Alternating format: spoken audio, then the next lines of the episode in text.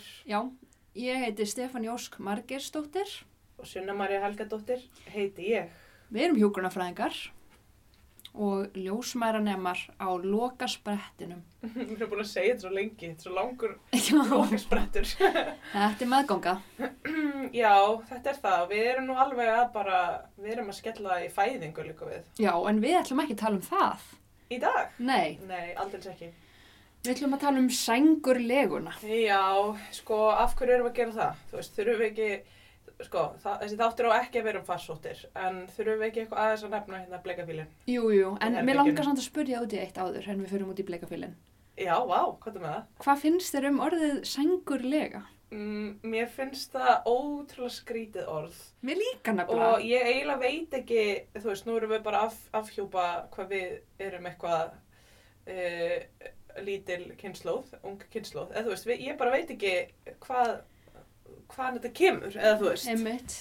En Er þetta ekki bara, þú veist, að konur lágu bara undir sæng hérna á árum áður og mátt ekki fara fram úr og, eða þú veist eitthvað, ég veit Jú, ekki. ég held það sko. Mér finnst þetta að vera svolítið ill lýsanlegt orð fyrir, Já, fyrir þetta tímabil sko. stundum við fólk segir eitthvað svona, já, byrju, hvað er þetta að taka vaktir? Ég hérna sængur hvenna gangi og, og það er fólk bara svona, hvað, sængur hvenna, sængur kona, þú veist, hvað er það? Þú veist, þetta er bara, þetta er skrítið. Og líka, þú veist, það var einhvern tímann eitthvað svona, einhver að segja hérna, já, ef ekki gefin eitthvað á sængina og ég var eitthvað svona, á, býtu, á sængina, veist, er þetta eitthvað svona að gefa sængurgjöf, að gefa konu eitthvað pakka eftir fæðingu á sængina. Og Rúmfött, gefa henni rúmfött. Nei, nefnilega, Nei. veist, já, en þú veist, þetta þýtti eitthvað annað, skilur við. Já, þú veist, ég var ekkert með neitt á hennu og var bara að þykjast skilja allt, skilur við. Og þú veist, og auðvitað, Eins og maður gerir reglulega í þessu námi. Nei, tjók. já, og bara, og í lífinu almennt, sko. En jú, tölum um breykafílinn. Bleikafélin, já, uh, við erum hér stönd í uh, miðri, uh, miðjum heimsfaraldri, COVID-19 veirunar, vissulega. Og hérna, það hefur nú alltaf áhrif á heilbreyðiskerfið, allt saman. Og akkurat núna þegar þetta er tekið upp að þá, hérna, að því að þú veist, þegar maður er að gera sko podcast, þá er manni sagt að við erum aldrei að tala um eitthvað svona dót sem að er bara akkurat í gangi Já, núna, já. það eldir svo illa, en þetta bara er óumflýjalegt.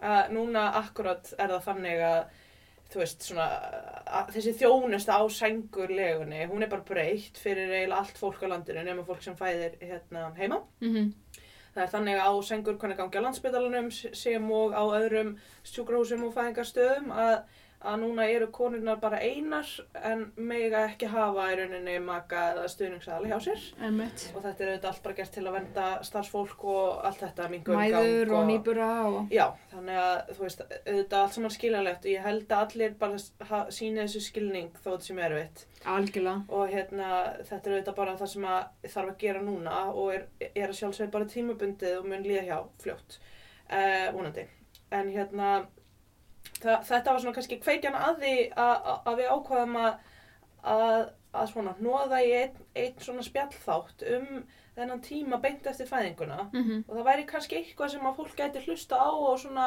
aðeins til að styrkja sig og minga kvíðan fyrir þessum fyrstu dögum sem eru kannski ekstra mikill núna út af þessu ástandi. Algjörlega. Það er náttúrulega alltaf bara rosa gaglegt að vita við hverju má búast. Já. Ég held að það skaði aldrei. Og svo er það held ég svolítið þannig og ég held það ekkert bara, ég veit að við erum báðar að vinna svona af og til á meðgöngu og sengulegu deildin á landsbytalanum og eðlilega er það þannig að konur eru bara að gera allt sem það geta til að fara sem allra fyrst heim eftir fæðinguna. Núna. núna sem að í sjálf sér eru þetta bara, það er bara, kannski kostur og gallar við það. Og, og auðvitað bara indislegt að fólk getur verið heima saman og svona en að þá getur maður svolítið ímynda sér að álægið á heimaþjónustu ljósmaður sé svolítið aukið Og líka bara á foreldrana. og fyrir utan að sjálfsögðu á fóreldrana Kannski fyrst og fremst. já, já, já, auðvitað en hérna, eigum við kannski aðeins áður en við förum svona að spjalla um, um einhver góð atriði að útskýra þetta, þetta kerfi með heimaþjónustu ljósmaður Já, meðist það alveg sniðugt. Það Þetta eru allir svona að gera sér grein fyrir hvað þetta er eða hvernig þetta virkar. Nei, ég fælu merkilega svona marga, margar mömmur og, og pappa og foreldra sem að er, er eitthvað svona, já, byttu, hvað hva gerist þá? Sumir einhvern veginn með þetta alvar hrein, hreinu, búin að negla niður heimaþjónustu ljósmóður og, og aðrir svona hafa enga hugmynd um hver er að sinna þessu og hvað er í gangi og svona. akkurat. Um, en þessi, sem sagt, þjónusta er í bóði fyrir alla konur. Um, nema reyndar því miður konur sem eru með börn sín á vöku og, og þurfa að legg, leggjast inn á sængur uh, legudeildinni í hvað er það, 30, nei, 36 nei, byrju nú við, Nei, þetta er 72, alveg, þú veist, þrýr sólaringar 72 tíma pluss Ef að, ef að þú þarft einhver hluta vegna á einhverju meðferð að halda í svona lengri tíma eftir fæðinguna, þá getur því miður mist réttindiðin til heimaþjónustu. Einmitt. Og það er akkurat það sem gerist ef að þú ert með lasi batn eða batn sem þarf að vera á vökudeldinni. eða þú ert sjálf mjög lasin um, og ég veit til dæmis eins og þegar við höfum verið að vinna á meðgöngu og sængulegdeldinni þá er gjörsamlega allt það er allt reynd til þess að þú missir ekki þessa þjónustu akkurat. Það er Það- bara ákveðin skeiðkluka í gangi sem er, e, finnst mér mjög svona skrítið, þú veist, og ég veit að þetta er eitthvað sem að fólk er mjög ós, eða þú veist, bara ljósmaður myndi mjög gærna vilja sjá þetta breytast. algjörlega. Að því að ég, ég, ef ég hugsa persónulega þú veist að eh, þá finnst mér bara ef að einhver þarf á heimaþjónustu að halda þegar heim er komið þá er það fólkið sem að lendi í eh, þú veist, þannig veikindum þú veist, annarkvort hjá konunni eða barninu að það þurfti að vera þennan tíma. Stuðningur, þú veist algjörlega. að þá, þá ertu allt í henni komin heim og, og hérna þá kannski þá er svolítið margt sem þú þarfst að aðlagast á, á skömmum tíma kannski umfram þetta svona eðlilega sem allir þurfa að takast á með Algjörlega. mm Þannig Um, en allan á svona undirvennilegum kringustæðum þá útskrifast konur annarkort heima af fæðingadildinni beint um, eða þá af sængulegunni, Mhm. af sem sagt þá sjúkrahúsi, hvort sem að það sé landspítalan eða, eða önnur sjúkrahús. Mm um, og það er bara haft samband, sem sagt þegar heim er komið, þið hafið samband við hérna, heimaþjón. sem er búið að svona ráðstafa í, eh, þú veist, ljósmaðurnar ráðstafa, eða þú veist, Þið þurfum ekki að lyfta upp fingri. Nei, þið þurfum ekki að finna út úr því.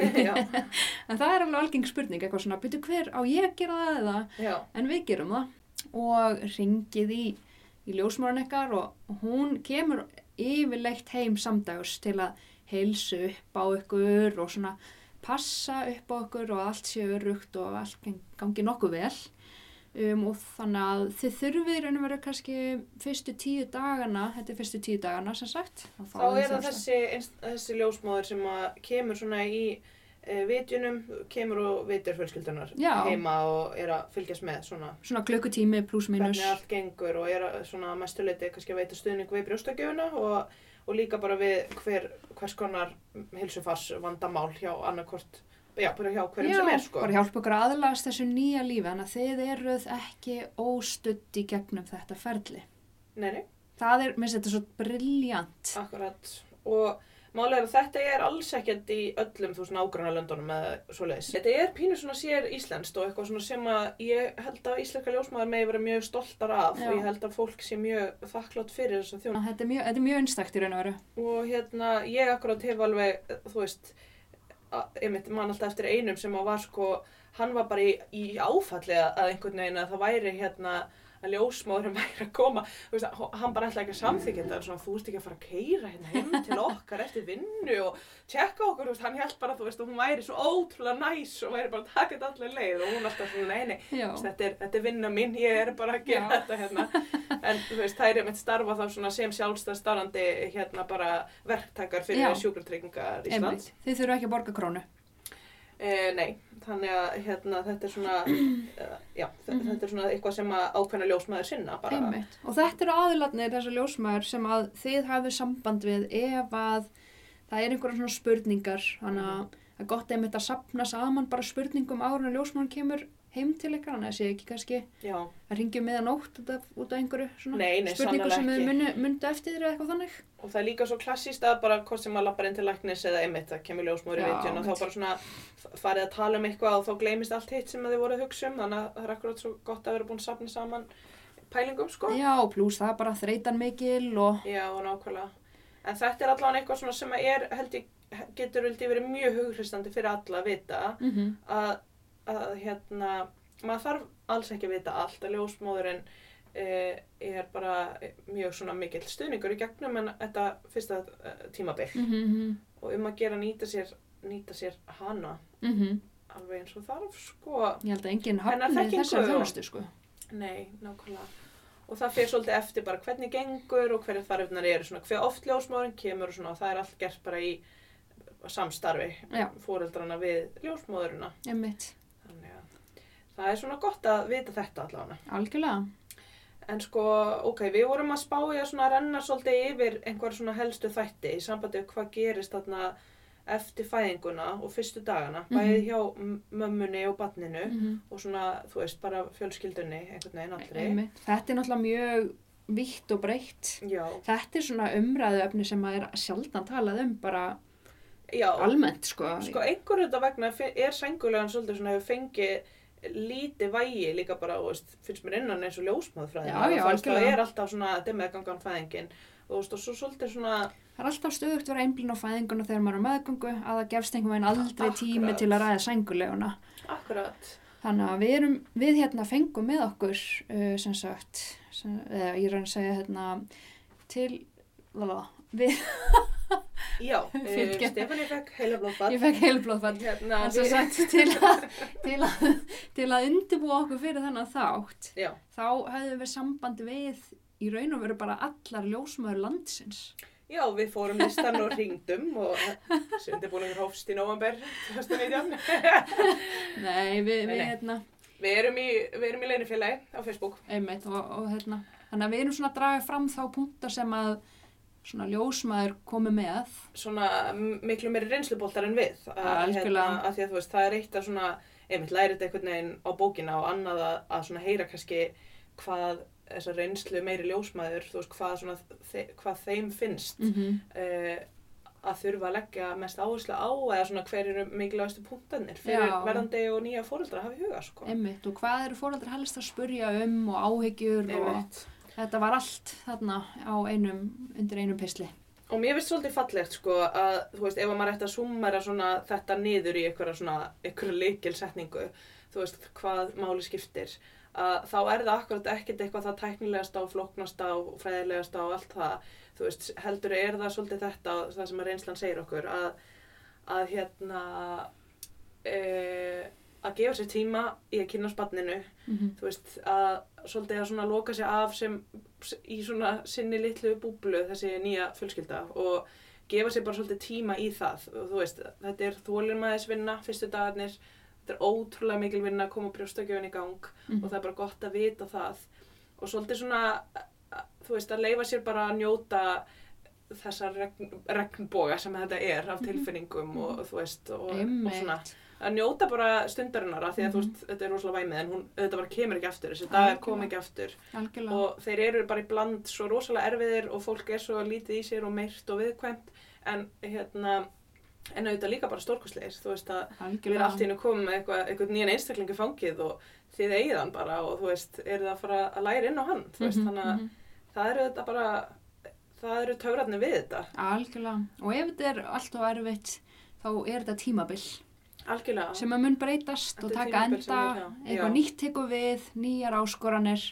og, og einmitt, þetta snýst ekki um að hafa lesið alla bækurnar og vera með skeiðklukkuna og telja og veist, og og... ha haka í og allt þetta heldur svolítið svona að kannski að treysta sínu eigin innsæði, þú veist hvað hjarta segir eða svona einhvern veginn Mhm. gut feeling Einmitt. þú veist að hlusta svolítið á sjálfa sig Mhm. eða á brjóstvitið eins og Mhm. ein, hérna reynslu meiri sagði nú við okkur að hérna að, að bara svona já Einmitt. að byrja bara strax að reyna að þróa það svolítið þú veist að kynnast þessu barni að læra hvað er það er að reyna að segja ykkur þú veist með sinni Mm. tjáningu einmitt og svona að læra að hafa samskipti við það Algjörlega. Og þetta er náttúrulega alveg ótrúlega eitthvað svona klísjukent og væmið og, en, en þú veist þetta er það bara Mhm, mhm. það er bara svolítið þannig Ég mitt hef verið duglega að segja á hérna sengur lefudeldinni mm.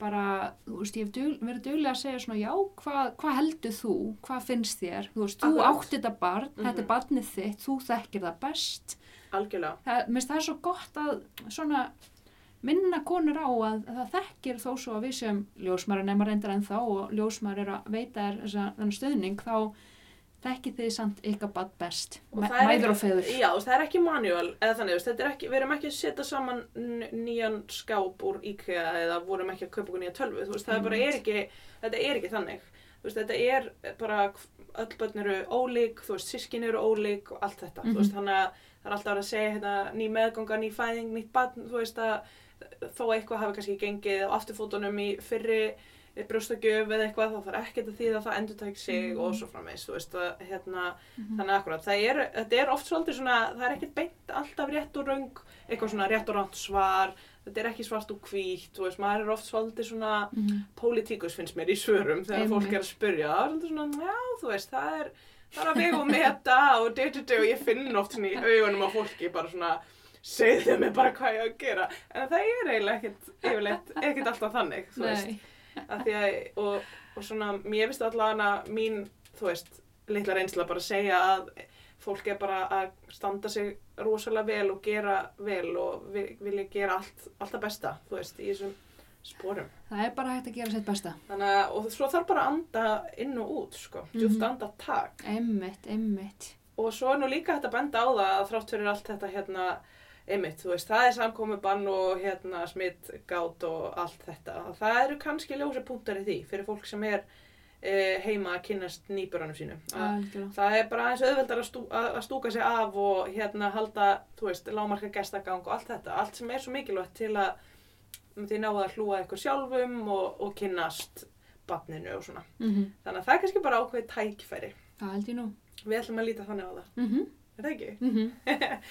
Ok, geggja. Herru, eigum við ekki líka að kannski taka það fram að okkar spjall hérna í dag, við ætlum bara svolítið að, að láta það snúast um svona þetta eðlilega ferli, þú veist, Mhm. þegar bara svona þennan eðlilega gang eftir eðla fæðingu, að þú veist, þetta yrði náttúrulega bara fimm- 50 klukkstundir ef við ætlum að fara, þú veist, að tala um hérna, Bara brjóstakjöf. Já, og öll öll brjóstakjafa vandamál og keisaraskurð og didididi. Við fáum sérfræðinga í það. Já, og þú veist, og við erum alveg, finnum það þegar við höfum kallað eftir svona hvað fólki langar að heyra í framtíðalegverfum og þá er alls konar svona sem að, Mhm. sem að margir eru spenntu fyrir, eins og Mhm. eitthvað varandi svefn, unga barna og einmitt brjóstakjafa vandamál og svona. Mhm. Við ætlum ekkert að fara á dýftina í neitt þannig, heldur meira bara svona útskýra þennan eðla gangmála eftir fæðingu og svona kannski alls konar góða svona einhverja fróðleiksmóla til að hafa hýrt einhver tíman og geima bak veirað og Einmitt. þá kannski rifjast þér betur upp með ljósmóðurinn ykkar eftir fæðingu. Tvímæla löst. Er það ekki? Jú. Ok, og að byrja þetta. Herðu, eitt í viðbót. Alltaf eitt í viðbót. Þetta er bara, já. Við erum með Instagram-reikning sem heitir Lægvarpið. Ó, Þannig já. að þar komur svona helstu tilkynningarnar okkar ef þið viljið followa. Ó já, alltaf einhverjar frábæra myndir af okkur. Já. Hvaða, hvaða mynd ætlum við að hafa með þessum þetta? Getum við ekki myndir, bara mynd af okkur? Getum tekið mynda okkur undir sæng saman. Sængulegu þáttur. Já, akkurat. Uh, með tveggja metra uh, millibili. Tvekkja metra sæng. tveggja metra sæng. Ef einhver á tveggja metra sæng, þá má hafa samband. Ok, hérna, ef við ekki bara að byrja ballið. Jú. Eigum við núna að fá þarna, Já, gerum það. þetta var gott hjá þér. Æ, herru, hvernig viljum við gera þetta? Hvernig viljum við fara yfir þetta? Þetta er svona alltaf svo svakalega mikið og vítt og breytt. Já, ég er alltaf rosalega hrifin af einhverju svona að taka þetta kannski eitthvað pínu svona kerfisbundið svo við séum ekki bara að fara út um víðan völd. Svo við séum ekki að næra aðteglisbrestin okkar. Já, nefnilega, hann hefur alveg fengið sko, hann er búin að sækja sér veðrið hérna. Uh, ég mæla ekki með því að reyna að skrifa lokaritgerð í stofufangilsi. Þannig að, þú veist ég, Og drekka fjóra kaffi við bolla fyrir hátegi. já, mm, mælum ekki því. Þannig að e- ef að við eigum að komast í gegnum þetta, Mm -hmm. innan skikkanlegs eh, tímarama þá held ég að við þurfum einhvern veginn að, að gefa okkur svolítið góðan ramma Einmitt. Eigum við að byrja niðri og vinna okkur upp Einmitt, jú. ok, stóra táin nei, tjók um, bara grín um, ætli það sé þá ekki bara Kloppin. Nei, ekki, ekki segja kloppin ég ætla ekki að samþykja það Kloppi. uh, já, akkurat uh, okkar besta píka, landsinum við höfum talað um hana Einmitt. Ég vildi ekki segja það því að mér það svo vandræðalegt. Já, alveg rétt, alveg rétt. Þú áttið úr formi. Nei, ég er, ég er að horfa á klofið, ég sagði kloppi út af því. Já, Ég auðvitað. er að horfa á klofið sjálfur mér. Nei. Já, einmitt. Hér er að fara úr böndunum. En ok, hérna, píkan var að fæða barnið, Mm þannig að það er kannski, það eru margir að spekulera svona í ástandinu henni þarna, Einmitt. beint eftir fæðinguna. Mhm. Það er, um, stundum þarf að, s- kemur rifa og það þarf að sauma, stundum ekki. Mhm. En sama hvort, þá er yfirleitt bara mikil bólga bara á öllu kynfara svæðinu eftir fæðinguna. Mhm. Uh, þetta er mjög blóðríkt svæði sem eru bara góða fréttir af því að það er mjög fljótt að svona Jafna sig. að, já, Mhm. jafna sig, græða, græða sár og annað en svona meðan á því stendur að þá er bara mikill bjúur og þú veist Mhm. og, og bara svona eðlilega þið pælið í bara svona átakinu sem að svæði tók á sig bara rétt áðan hérna þegar bann ban fættist sko þannig að það er bara, það er eðlilegt og yfirleitt er þetta alveg svakalega fljótt að jafna sig Mhm. og rifur fljótar að gróa Algjörlega. En að ljósmaður líka finnst mér hafa mikinn metnað fyrir því að sauma vel. algjörlega og bara gera vel við ef að það þarf eitthvað að gera við grindabósvöðva og annað þá er þetta allt saman gert mjög vel Mhm. Og eh, núna erum við til dæmis komin með svona upp á fæðingavall landsbytala og ég veit að er á einhverjum fleiri fæðingastöðum að það er svona vulva sketchpad heitir þetta svona eh, einhver svona píku teikniblokk þar sem að ljósmaður eru ofta að sína annarkvort konu með teiknin, sauma á mynd og svona gefa þeim. Og við bara mælum með að allar konur skoða sem er spekli bara sem fyrst eftir fæðingu. Mhm. það er yfirleitt mikill léttir þá sem á sér stað af því að tilfinningin er oft þannig að þetta sé allt, þú veist eins og konur segja oft bara þetta er allt í hakki, þetta er allt ónýtt, þetta er allt svo eitthvað breytt og svakalegt, svo bregður þeim yfirleitt við að sjá að þetta lítur nú bara eiginlega alveg eins út, þetta pínubólga og allt saman, Já, já. og, en það líður hjá. Einmitt og saumarnir eru svona kannski taka 3-14 daga að, að hvarfa. Já, það, það, það er algeng spurning eitthvað svona hvar að saumarnir eða þarf ég að klippa á sjálf en, en þeir allt, já, þeir fara bara sjálfur þannig að Mhm. um, og ef að þeir eru þeir, þeir ættu sagt, bæði bólgan og veist, tilfinningin um saumana ætti að hverfa svona á næstu dögum, svona þriða til fjórða degi. Og það er eðlilegt að manni klæja pínu þarna, þú veist, bara þegar að vera gróa, að gróa. Þá er bara eðlilegt að mann klæjar en ef að þetta er ekki að skána þá byggjið þið heima þjónustu ljósmann um að kíkja á þetta. Algjörlega, og líka ef það er svona tilfinning um tóg, þú veist, eins og að bara það sé einhver svona, þú veist, eitthvað spór að, að bara trubla, þú veist, að, að það sé svona einhver strekking að toga eða eitthvað þannig á bara á spangasvæðinu, þú veist, þá er líka bara, Já, þú veist, um að gera sko, að skoða, jafnvel sjálf bara með þá alveg auðvitað hreinar hendur og svona, mhm, eða byggja einmitt hérna heimaþjónustu ljósmennur að kíkja. Og stundum geta þær sprett upp bara ef að, þú veist, það er eitthvað og þú veist, Einmitt. hvað sem er mhm. og svo bara svona almennt, almennt varðandi svona að þekkja merki sýkinga ef að það færi að koma rúslega vond lykt frá svæðinu eða hérna saumunum eða þú veist eitthvað svona eins og gröftur eða eitthvað svo leis að þá líka mhm, auðvitað hérna, fylgjast með því og láta vita einmitt og, og svona og það var þannig svona í gamla daga að, að allar konur fóru í svona svo kallar eftirskoðun þú veist Já, á 7. til það 8. viku eða eitthvað já, fóru Vá. bara á pöntuð tíma hjá kvenstumalekni Já, já, já, En- bara sjálf Eh, sjálfar, já. já, já, það var svona algjör standard og Já. það er ekki eitthvað, þú veist, mér finnst ég svo oft fá spurningum um þetta, að það er ekki eitthvað, eitthvað standard sem að, þú veist, við þurfum eitthvað endilega að mæla með, það, þú veist, þykir ekkert endilega ástæð það er bara undir hverju munum komið eftir í, hérna, þú veist, e- ef það auðvitað er einhver vandamál, eitthvað Mhm. sem er trubla og annað, þá er auðvitað sjálfsagt að láta líta á það, einmitt. En ekkert sem að, sem er einhver skilda eða eitthvað svo leis, Mhm, mhm.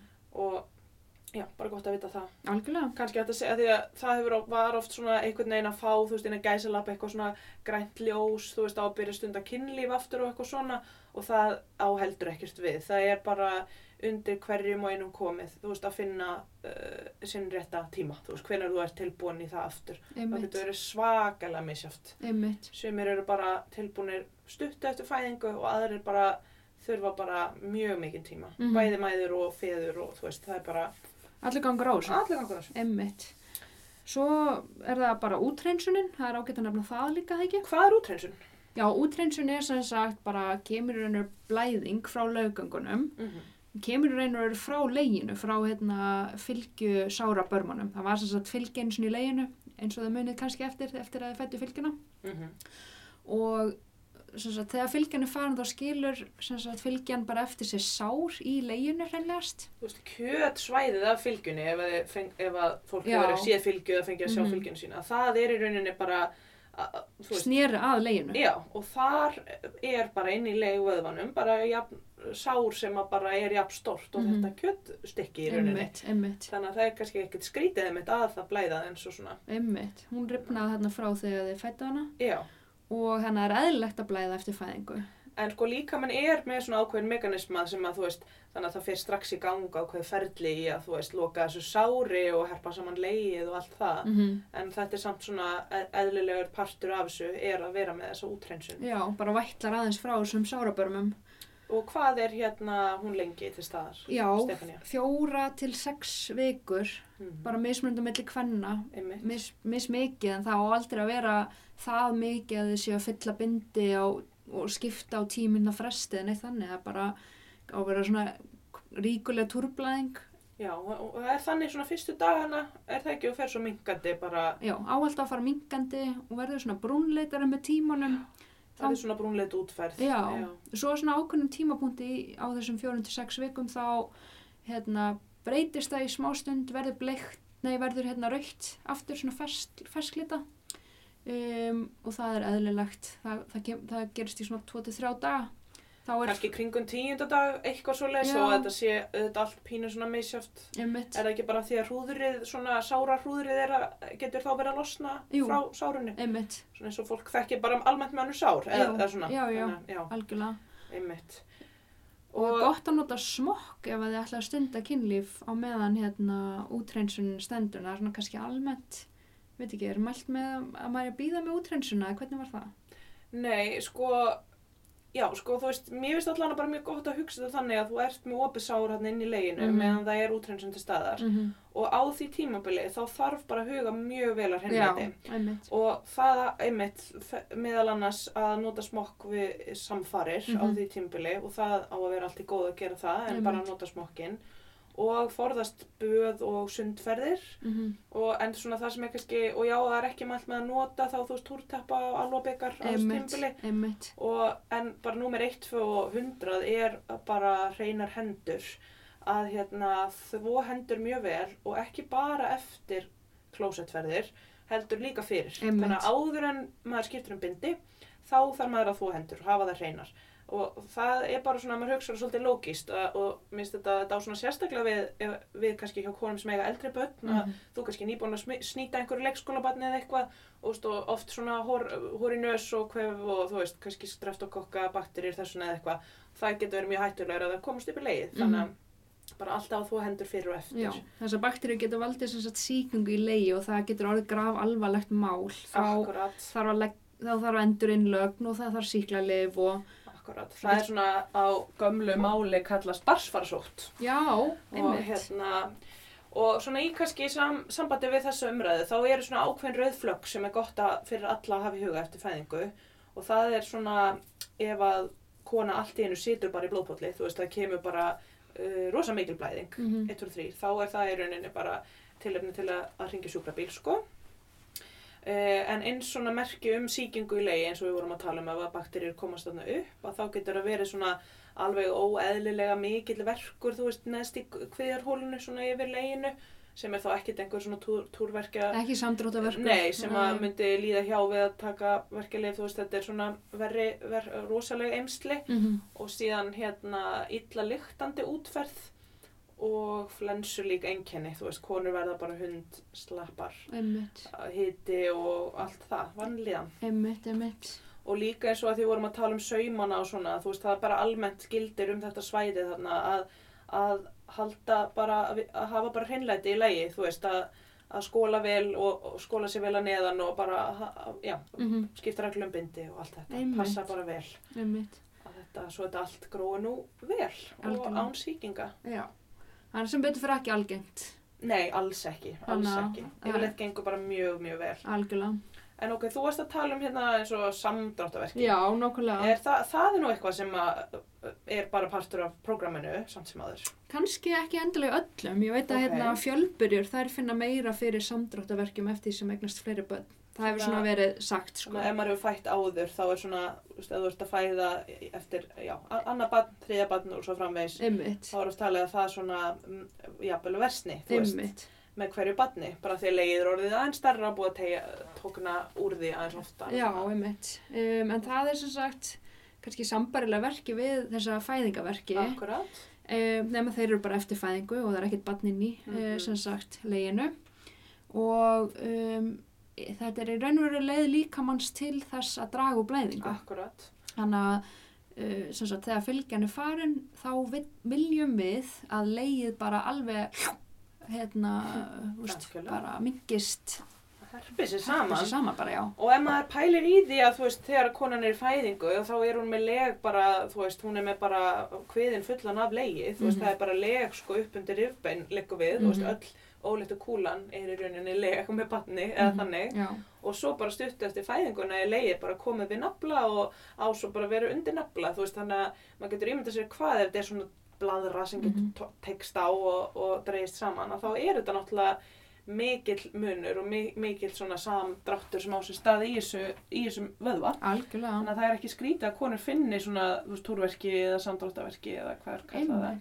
Og þá er bara gott að taka verkjalið reglulega uh, við því eða nota hittapúka eða hvað sem virkar. Já, eitt svona kannski bara sem er svo ótrúlega fallegt, finnst Mhm. mér að segja frá, Mm. að þegar að móður hitti badni sitt í fyrsta skrift, skipti, bara búin að fæða og, og tekur það svona upp og horfir í andlitaði á því, þá á að koma stærsti samdráttur lífskvenna til að í raun og veru fæða fylgjuna Akkurat. og það gerist bara fyrir tilstilli að horfa á badni sitt. Og það er náttúrulega þetta oxytocin, hérna, uh, þessi toppur jú. hormónsins, oftar já. fæðingarhormónsins. Mm -hmm. Og það sem að gerist líka þegar að batnið fyrir brjóst og sígur brjóstið, að þá akkurat verður samdráttur í leginu, að, sem er svona svolítið góður og veist, mekanismi.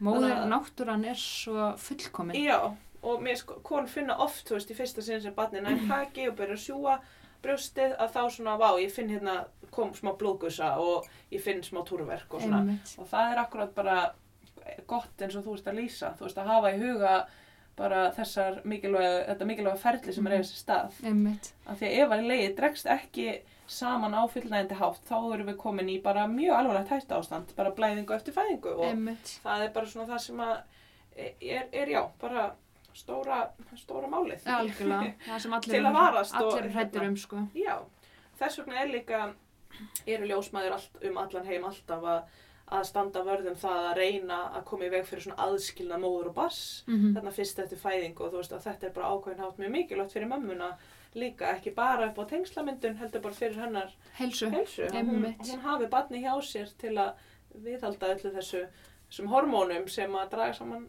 leið. Einmitt. Það getur nú verið bara mjög sársökufullt að, að, að sagt, finna fyrir þessu samdráttaverkjum eftir fæðingu Mm -hmm. og kannski svona að manni líður svo sé minni tilgangu með þeim heldur en í fæðingu. Akkurat, Þannig að það er ágætt að vera með hérna, panodil og íbúfen við hendi akkurat. til að draga úr hérna verkunum. En svo er náttúrulega, það er náttúrulega með alls konar dót hérna á, á þessu svæði. E, þægið, þvæg, Já. þvægrásinn, þvægblæran. Einmitt. Það er oft svona, hún er náttúrulega búin að vera greið í algjöru krem, kremju, alveg það til batnið er komið Já. út. Eins og örgla margar konur þekkja Einmitt, hérna sem eru á meðgöngu. einmitt. Og það svona er aðeins hægt við það eftir fæðinguna að, að, að það getur svona bla, helst bara þvag í blöðruna og hún kannski aðeins bara sapnað í sig og svona yfir, yfirfylst. Og það er svona bæðið fyrir kannski tilstilli alls konar svona lífeylisfræðilegra breytinga sem er þessi stað í líkamannum og bara að allt í hennu er bladra með miklu meira pláss. Mm Svo svona kannski sérstaklega ef að konur voru með mænrótadeyfingu og þá getur svona þessi þvag þörf aðeins dopnað og eftir fæðinguna og svona Einmitt. ymslegt. Það er ágætt að hafa í huga bara að setjast á klósti á þryggja tíma fresti til að Mhm. reyna að pissa og drekka nóg. Það, Það er bara, bara punkturinn bara pissa reglulega og þó að finn, maður finn ekki að maður þurfa að fara að pissa, fara bara samt einmitt og þá oft kemur það. Og mikilvægt sko ef að það er svona tímapressa varandi að pissa. Já. Stundum gerist það eftir fæðingu. Það er svona, Mhm. já, já, þú verður að fara að pissa. Og pissar þú? Nú pissar þú, já. Mhm. Þá er bara gott að setjast í dimmu á klósettið, ekki með síma og slaka á kjálkanum og alveg sleppa grindabotni niður. Þú veist, þetta er bara ágætis ráð því að Þetta er erfara en margir halda. Svo eru til alls konar svona uh, einhver sængulegu pissu húsráð. Mér finnst oft verið að hérna gefa kakó ef að konur get ekki pissað. Nú, Það er að fara kakó. ég hef aldrei heyrt það. Nei, þetta er svona eitthvað, eitthvað triks, Mm. triks er í. Aldrei gefið konu kakó. Nei, það er, hérna, þú getur bara reynt það næst þegar þetta verður þetta mál.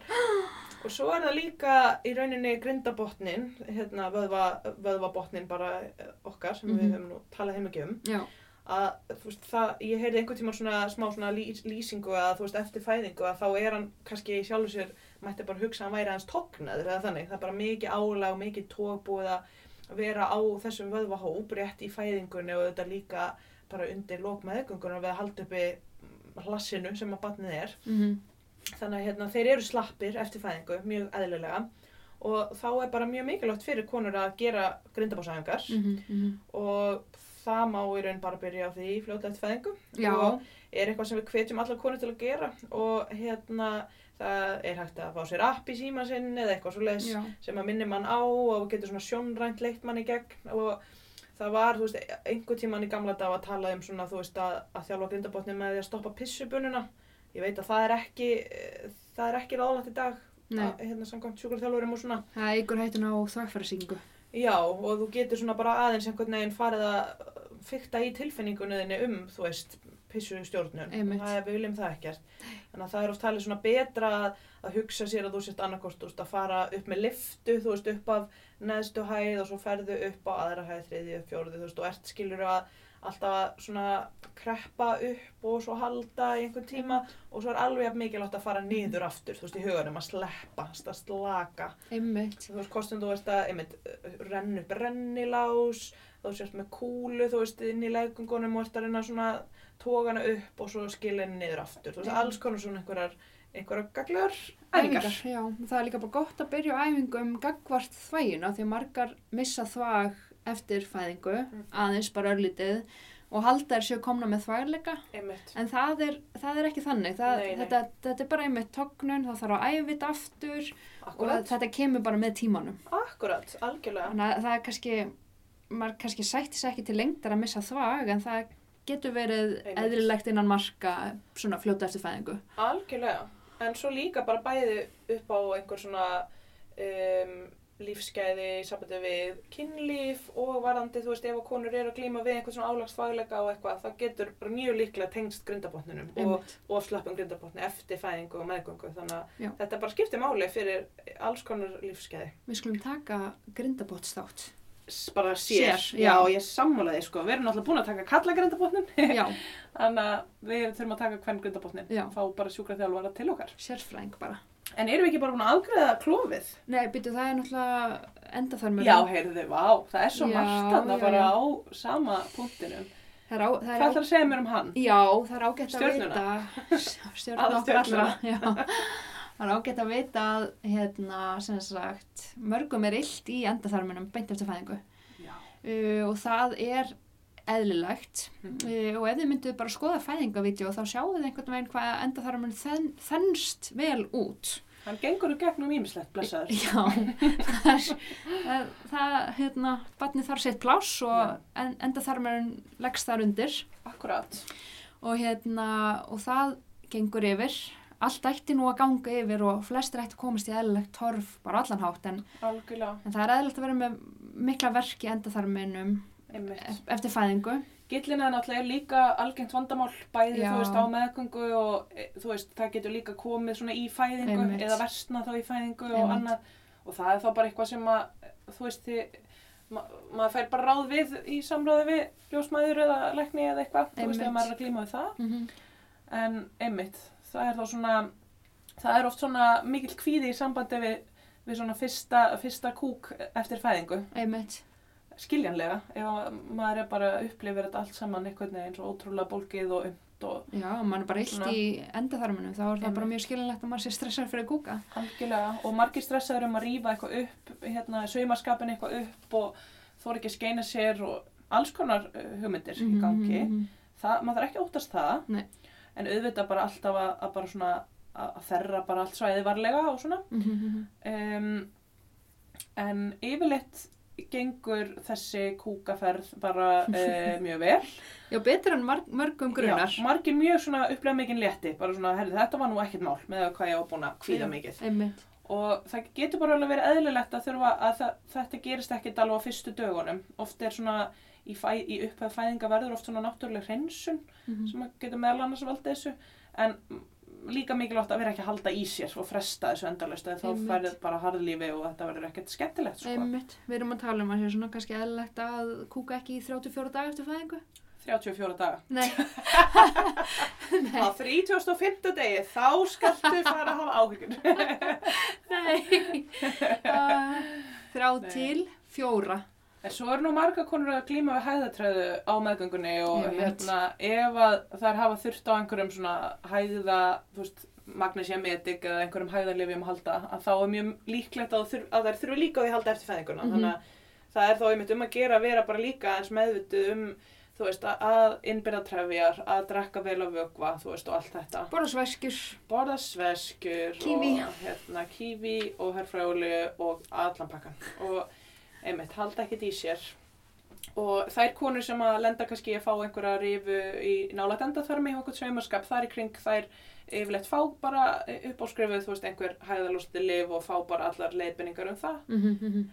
Um, eitt svona sem að við kannski, svo góð punktur og glemdum að segja með að ef að það er hérna mikill saumaskapur í kring, eitthvað nála þvaðurásinni eins og í hérna skapabörmunum að þá getur oft verið svona svolítið sviði við að pissa Mhm. og það er yfirleitt bara því að þú veist þvægið er ertandi og svona þá getur verið góð, gott triks að pissa bara í styrtu þú veist og vera bara með styrtuhaus að buna bara með mjúkri bunu Drekka nóga vatni, þinna pissið. Já, og sumir eru meira að bara ráðleggja að hafa bara einhverja flösku, þú veist, með vatni við Mhm. klósettið og svo getur held bara yfir, þú veist, og meðan þú pissa yfir svæðið, að hérna þá bara léttir á Það, sviðanum. þannig skeinir fólk sér í Filipsheim.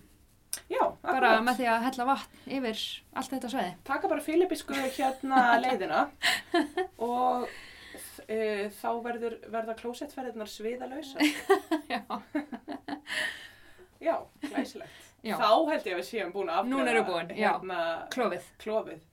Starfið okkar snýst bara um uh, klóf eins og þið heyrið skemmtilegt ok, hvað hérna er þá næst á dagskráni ef Eh. við erum kerfisbundið að Við erum búin að fara í upp. Já. búin að tala um eh, leið Er það naflin okkar? Nei, nei, nei, nei, nei. Ekki naflin okkar. hvað er með naflan á þér Um, Er það ekki bara- Bröstin? sýstundar Já. Ég er að klípa þetta í bröstin núna. Stefania er, Fyrir sunnu. er með smá sjó hérna fyrir mig glæsilegt, Stefania minn Um, já, þau eru náttúrulega bara í aðal hlutverki eftir fæðinguna, brjóstin algjörlega. Hygglaust, þetta er m- mikilvægasta, punkt, mikilvægasta punktur þú veist, þáttarins, Einmitt. sængulegunar, einhvern veginn. Ok, já, maður er svona, maður veltir fyrir sér, þú veist, hvernig oft við höfum að fara í þetta. Við getum enga veginn farið út í alla þætti, sambandi við brjóst og brjóstakjöf. Nei, En, en svona... fyrir utan það að við sem ekki sérfræðingar. Nei, nei, alls ekki. Það er gaman að tala við þetta um sérfræðust dýftina, þú veist. Algjörlega. En við vitum alveg ímislegt. En sko, ok, ef að byrja að útskýra kannski aðeins bara þetta með mjólkurmyndunina, þú veist, fyrstu dagana, hvernig þetta allt saman Mhm. virkar og samspil, þú veist, barsins og brjóstana. Einmitt. Sko, mér finnst rosa spennend að segja frá því Gerðu það. að beint eftir fæðingu, Aha. Þá er hérna, barninu komið einhvern veginn fyrir á bringunni Mm og það hefur verið gerð svona, æ, þið veitir svona hitamindavill Aha. og þá bara, eins og er notuð núna í COVID til að finna þá sem eru með hitta á lestastöðum og svona. að það, Já, já, já, já, ég get svo svarað. Ég ég sá þetta einhvers þar. ég held að vera eitthvað að grínast í mér. Nei, nei, ég er ekki, ég er Já, ekki ok. okay. neitt. Já. Þá má sjá að sko hitin í kringum brjóstun og mömmunu er mestur, lang, lang mestur. Akkurát. Það er hérna, hann að brjóstin í, á þér ná í raun og vera að halda barninu heitu. Og það er svona meira sem gerist, þú veist, það verður litabreiting, það er svona dökna, gerusturnar. Einmitt á meðgöngunni. Og- Margar geta kannski litið í speil og tjekkað að því. Akkurát. Og það, það er, þú veist, einhver svona lykt sem kemur frá þeim og svona, þannig að þú veist, Einmitt. það verður bara rosalegt aðdráttar Einmitt. fyrir barnið. Þú Já. veist, það er bara hiti og bara einhver nammilykt og þú veist, e, Já. bara þau sjá eiginlega ekki neitt en sjá þetta. Já. Æ, þú veist, þetta er bara svona... svartkvít Já. og til þess að gerurtinnar standa sem mest út þá verða Mhm. þær helst nálegt svörtum. Þannig að þú veist, barnið, þau eru náttúrulega bara ótrúlega klár og vita bara einhvern veginn hvað þau eiga að gera, sko. Þetta er svona eins og púsluspill. Bara mamman með brjóstinn, Mm barnið með munnin, Akkurat. smellist, uh, já, þú veist, þetta er svona að smella saman eitthvað veginn. Ok. Og hvenar e, þykir æskilegt að barnið sjúi brjóst í fyrsta sinn? Já, það er tala um innan klukkutíma að það sé mjög farsælt.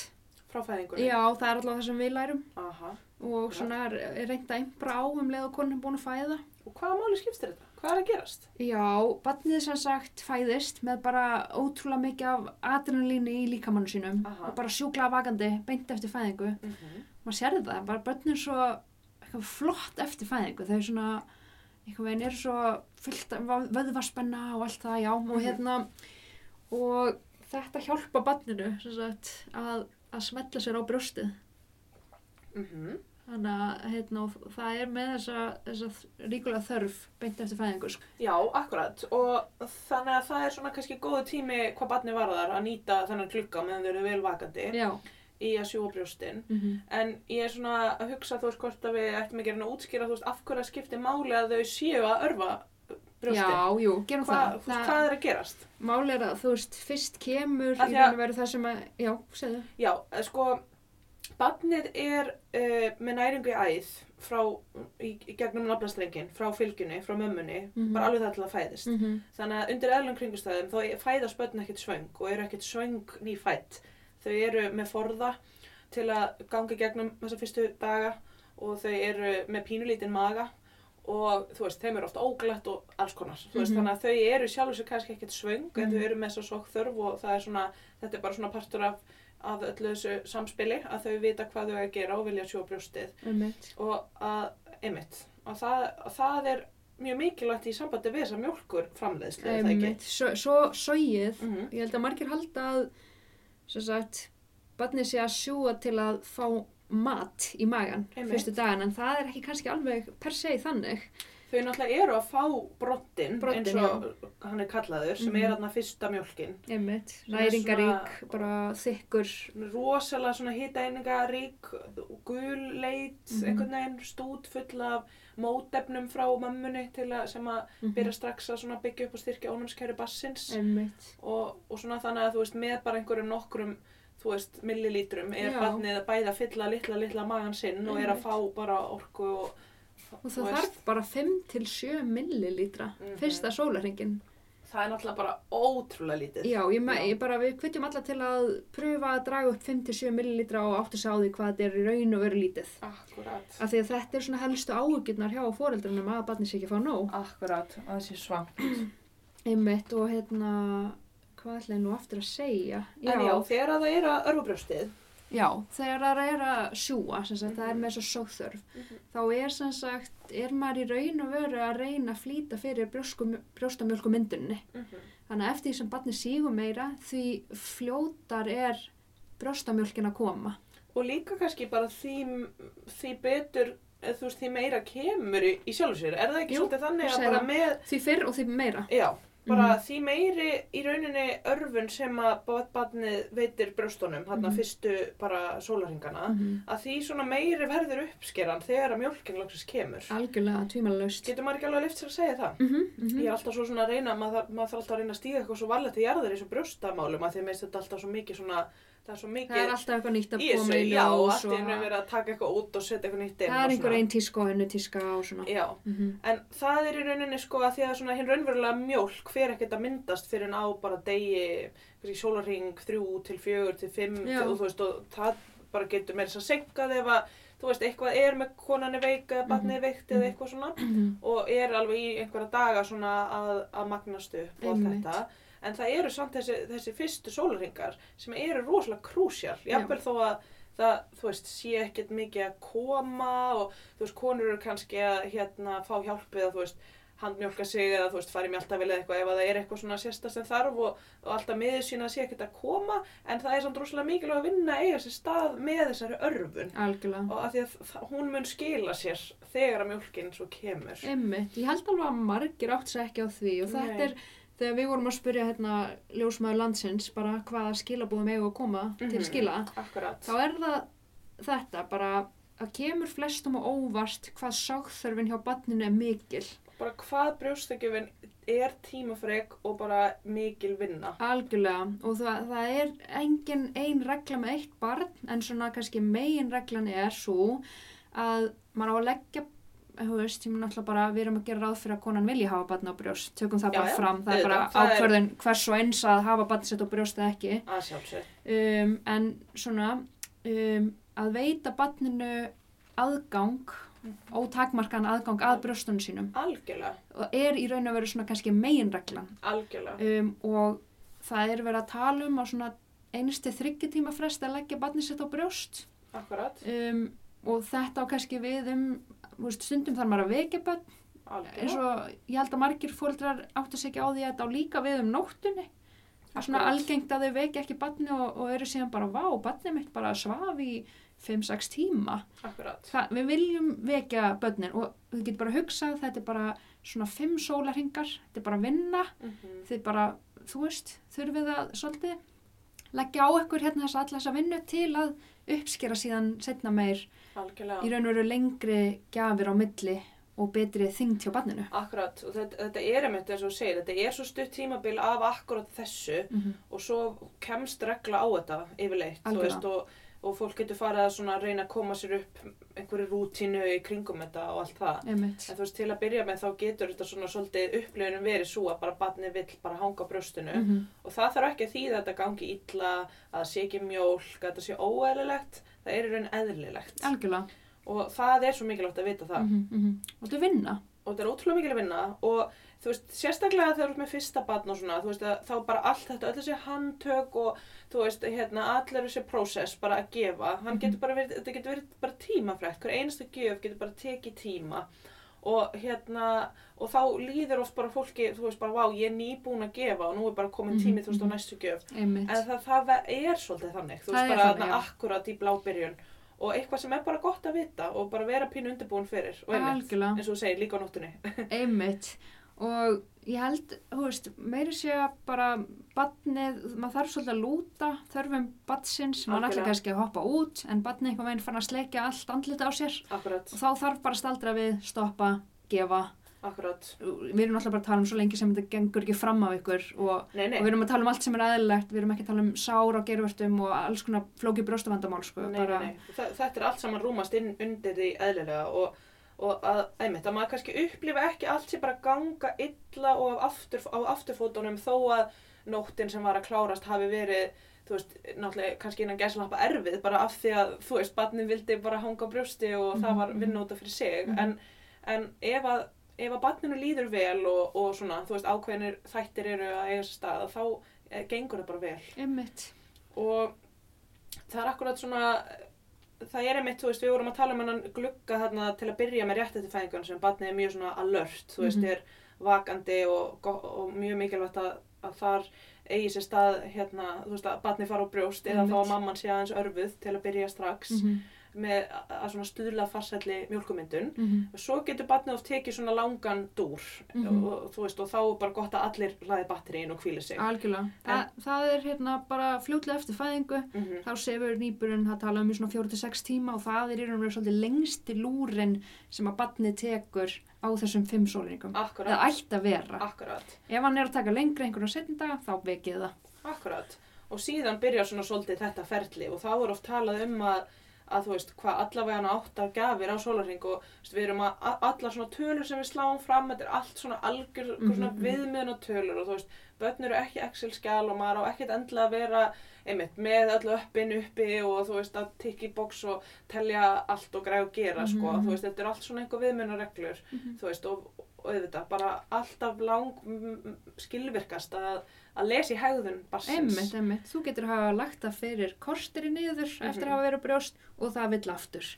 Ok, og hvernig veit ég að það vill? Hvernig veit ég hvað það vill? Já, einmitt. Það er einmitt svona nokkuð kjú um að badni vilji og það Svona er... vísbendingar, Já, merki. vísbendingar, merki, já, Mhm. einmitt. Og það er oft svona að byrja að reyka tunguna út. Þá er oft svona, getur maður hugsa, já, eh, líklegast vill badni núna fara að fara á brjóst. Það er vakandi, Já, mópin augun, lítið kringu sig, já það kannski er með svona hendurna nálagt munninum. sleikja út um. Já, og svo að lokum þetta er einmitt svona kannski kjúða sem maður á að fara að undirbúsa því að það tekur tíma að undirbúa brjóstakjöf maður þarf að koma sér fyrir í sófanum eða hvernig sem er Kannski að fara að pissa, þú veist. dí, dí, dí, Kannski já. þarf að skipta, kíkja í bleginu hjá barninu. kannski viltu vassbrúsan hjá Einmitt. þér þú veist, kottarnir allir í kringum Akkurat. allt það, Allt þetta dæmi. græði þetta bara þarna á þessum tímpúndi svona, Þetta þýðir ég þarf að drekka, þú veist, ég Já. þarf að fara á brjóst. ég er að fara að vera tilbúin til að drekka Mm mamma, -hmm. um, get ready Akkurat. Og ef að barnið, ef að barnið er ekki tekið upp á þessu tímpúndi og fær að drekka, þá náttúrulega leiðir þetta yfirleitt út í bara uh, að það verður fyrir að gráta og verður oft bara alveg sármóðgað og bara svona hálf brjálað einhvern veginn barnið. mjög pyrrað Og þú veist, ef að maður er, þú veist, það, það er eitthvað svona, alltaf eitthvað svona baby language dæmi, þú veist, og þá er, heitir það svona, hérna, feed me, þú veist, er dæmið sem við vorum að nefna með að vera að sleikja út um og allt það, sleikja hendur og eitthvað. En þegar það voruð alveg brjálað, þá er það svolítið svona call me, then feed me. En veist, það að halda á svona brjáliðu litlu barni, þú veist, af því að Mhm. bara, e- eðlilega, veist, Mhm. grátur, þetta er bara eini tjáningamátið þeirra. Einmitt. Að það, það getur verið líka bara ótrúlega frustrerandi þú veist, þú veist, að reyna að leggja barn á brjóst sem er bara það uh, grátandi þú veist, að, að það þarf eiginlega að byrja að hugga það. Einmitt, og þá er gott að þú veist, ná barninu áður en það fer í þennan fasa. Einmitt. Og þú veist, þessi börn geta verið svo merkilega sterk og þú veist, þetta er bara svo að halda á einhverju Mhm. lítilli lirfur sem er að spenna sig í allar áttir og, einmitt, og- ofta svona reyja höfuð aftur Já. svona úsátt og þú veist, þó að barnið sé ekki orðið svona frustrerað þá samt getur oft bara það að leggja barnið á brjóst svona til að Mhm, byrja með mhm. tekið alveg bara endur tekna tilraunir og þetta er mikil svona þólimaðisvinna en það verður allt saman ennþá svona erfiðar ef að barninu líður svona. Mhm, og þú veist, þá byrja maður bara að svitna með barninu og bara endar á að náttúrulega bara gráta með barninu eðlilega, þú veist, þannig að þess vegna er svolítið gott að þekkja svona þessi, þessi merki og svo auðvitað með dögunum og vikunum að þú veist, Mhm, þá mhm. fara fóreldarnir bara algjörlega að kynna spanninu og læra Mhm. að vita, þú veist, hvað það er að tjá hverju sinni, þú veist, hverju þarfirnar eru. Einmitt, einmitt og þú veist, þess vegna er náttúrulega svo mikilvægt að vera svolítið bara einbytta sér heima fyrir að því að vera, horfa á barnið, hvað er gerast, hafa það Einmitt. mikið í fanginu, hafa það Mhm. mikið hjá sér við Mhm. bringuna, bæði, bæði mömmur og pappar, mhm, þú veist, og allt þetta. mhm. og það er alveg þannig að þú veist bara barni róast um leið og finnur að gervartan er nálagt Mm -hmm. bara nebbanum sínum það, það er bara einhver veginn, þar, þó er sér ekki svangt eða með sáþur, þá róar þetta þau svo ofbáðislega Og þau líka læra bara að þekkja, þú veist, lykt fóreldra sinna og þú veist, allt þetta Mhm. og eru í hlýjunni og svona.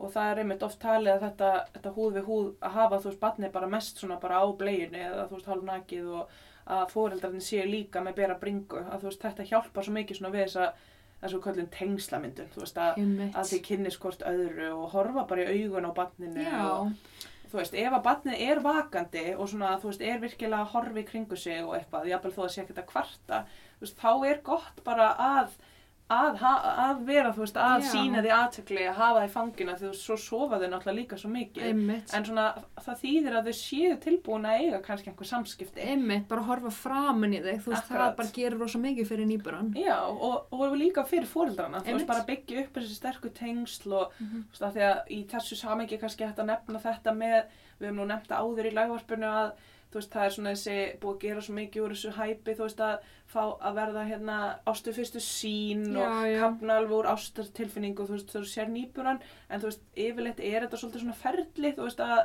að læra bara að kynnast og elska, Elska, og samþykja já. þessa nýju manneski sem þú þekkir kannski, eða þú veist, þekkir náttúrulega ekki neitt og já, allt það og, og þú veist, allt þetta hafa barni í fanginu og hafa það bert hjá sér og svona Mhm. fyrir mömmur og pappa skiptir bara, hjálpar með þetta svo mikið einmitt Það mér finnst þetta mjög góða punktur. Ég hef einmitt heyrt mörgum finnast erfitt að segja að þetta var ekki bara, þú veist, ég elska þetta bara strax og Mhm. allt var frábært og di-di-di-di-di, heldur, Algjörlega. tók mig bara tíma og ég, Algjörlega. ég held að það sé bara mjög eðlilegt. einmitt Já, en ok, með eins og með mjólkina og allt þetta að það er sko þegar að barnið eru svona tveggja sólarhinga kannski á þriðja sólarhinga, eitthvað svoleiðis þá oft er það svolítið svona vill að hanga svolítið mikið á brjósti Mhm. er það ekki, finnst þið það ekki svona sirka vera einhver, einhver tímapunktur algjörlega. Fyrsta sólarringin eru þau oft bara með klíu Það er kannski hvað þýðir það? ágætt að taka fram að, að hérna, þá er í raun og veru veist, komið fyrir svona pínu læguvatn hérna í, í hérna. við erum bara með í maganum og Já, svona, já, einmitt, og þau þurfa bara að koma því frá sér. þau eru náttúrulega bara að kúast út í Já, loftið og hérna, er að gúlpast upp úr þeim bara Einmitt, og, fóreldrar geta verið rosa hrættir um að segja Já, eitthvað að og það, eðlilega, og algjörlega, alg, algjörlega og hérna, það, þetta er alveg eðlilegt, þetta er bara, einmitt, þau eru búin að vera í lægvatninu einmitt. að kingja því í móðukviði. Og það getur sko alveg verið smá svona litur á því sem kemur upp úr þeim hérna rétt eftir, fyrst eftir fæðinguna. Getur verið, e, þú veist, þau hafa verið með, þú veist, verið blóð eða litur legvatni eða eitthvað þannig Mm -hmm. sem þetta getur verið svona smá kor, korgað einhvern veginn og Já, þú veist, verið bara eins og einhver græn, eh, þú veist, svört slikja svona í þessu sem er að gúlpast upp úr þeim þannig að fyrst, Roskinsraukt já, svona fyrstu 1-2 sólringana og einmitt, fólk oft bara fær skiljanlega bara smá svona panik en, en það, þetta er eðlilegt Mhm, og ef þau eru mikið svona kúast og út í loftið og einmitt að hérna, eins og þeim sé óglatt þá er bara gott að reyna að halda þeim svolítið svona í uppbreyttur stöðu Einmitt. hafa þau svona bara við bringuna, þú veist, í fanginu eða yfir öxlina, eða hjálpa þeim að sitja svona uppi, Já, bara Hjálpaði maður að komast hjálpaði út. maður að losa, losa sig bara við þetta. Einmitt. Hafði sagt það þá var líka samt, þú veist, þegar þessi fyrsti sólurhingur liðin hjá að það er aldrei eðlilegt að barn æli grænu, svona þú veist, þegar það byrjaði að fá mjólk og svona bara Mhm. gott að hafa bak veirað. Einmitt, einmitt. Og, en hérna, öll, öll, allir nýburar æla og þú veist, Einmitt. það er bara þannig. Og meldinga verður svo óþróskar. En ef þú æla kröftulega einhvern veginn eftir hverja gjöf og svona, þá þarf að fylgjast með því og Mm eins ef það er grænt í ælu. Einmitt. Kröftulega þá er það bara buna beint út frá mér. Algjör strókur bara. Það ekki, Já. að ég held alveg margir veit ekki hvað kröftulegt. Nei, einmitt, og Kröftulega þetta er líka eitthvað sem kannski einmitt þarf bara að meta og, Einmitt, og einmitt. veist, en sko einmitt að, að hérna þannig að já, einhverju líkil punktar að horfa á hegðun nýburans Já, já. ef hann sýnir merkjum að vera svangur Mhm. að leggja hann á brjóst það er ekki óeðlilegt að vilja hanga mikið á brjósti það er eins ekki óeðlilegt að nýburar vilja bara vera mikið fangi fóreldra sinna Já, þú veist, vilja bara kúra hjá vilja bara kúra. Fara nóttunni. þau vilja vera í örygginu, hlýjunni Mm þau, þeim er gott að vera vafinn þú veist, Þeim finnst gott að vera alveg samþjöppuð eins og að sé að vera þannig hafa þau verið þú veist.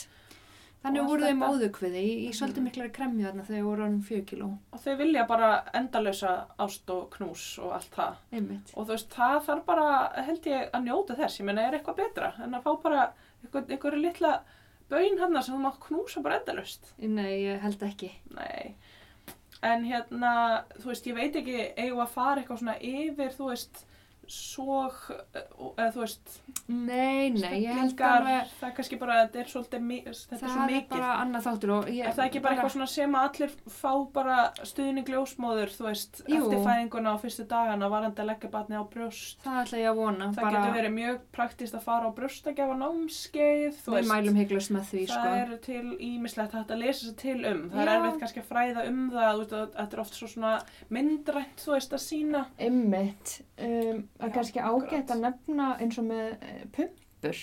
Svona Já, brjóstapumpur, hérna er það ekki? brjóstakjafapumpur. Einmitt. Að, og svona í ljósi þess að við erum að tala um að að þú veist, mjölkumyndin kemur eftir því sem að barni sígur um, og Því meiri örfun, því meiri mjólk og allt Já. þetta. um, það, og út af því að barni í raun og veru annar alveg þessari sókþörf Algjörlega. svona undir venjulegum kringustæðum ef barni er ekki eitthvað gullt eða eitthvað þannig eða veikt þá bara sígur það og, og það, þessi sókþörf ef að barni er fullbura á að í raun og veru framkalla þessa mjólk Algjörlega. um, það er svona kannski borið á svolítið svona mikið pumpaði Akkurat. Það hefur svona þótt einhver standard að eiga svona brjóstapumpu og að konur séu bara að, að, að mjólka sig eða pumpa sig, þú veist, eftir, eftir fæðingu og svona til að og þú veist, og, og þá er kannski það einhver hugsun á baku það að þú veist, þá bara fáru bara en þá meiri mjólk og eitthvað, ég veit ekki Mhm, hvað. En það er allavega eitthvað sem að við getum bara enga veginn mælt með og þá erum við að tala um fyrir konur sem eru bara um, eiga heilbrið börn sem eru ekki veik og þú veist allt þetta. Það, er- það er allt annar pakki ef að þú veist fólk á fyrirbura eða það eru veikindi eða eitthvað svona. Lættu eitthvað mikið út, Já, já. eitthvað þannig. Þú veist stundum geta pumpur verið mjög góð, gott hjálpatæki eða mjáltavélar eða hvað sem er þú veist í Mhm, einhverju mhm, þannig tilfellum. En ef þú ert í þessu eðla ferli þá er ekki ástæða til að eiga pumpu og þá getur maður svolítið lent í því að vera kannski að stuðla einhverju svona ofurframleiðslu Já, og þá getur fengið það í baki með bara stíplum og brjóstasíkingum og allt þetta einmitt Þannig að við bara mælum ekki með því. Nei, og ljósmaður gera það ekki heldur. Þa, Nei, það já, hefur já, verið svolítið einmitt. svona þeirra svona take, Já. take á þetta, sko. Já, akkurat. Þannig að bara ágætt að hafa bak veirað.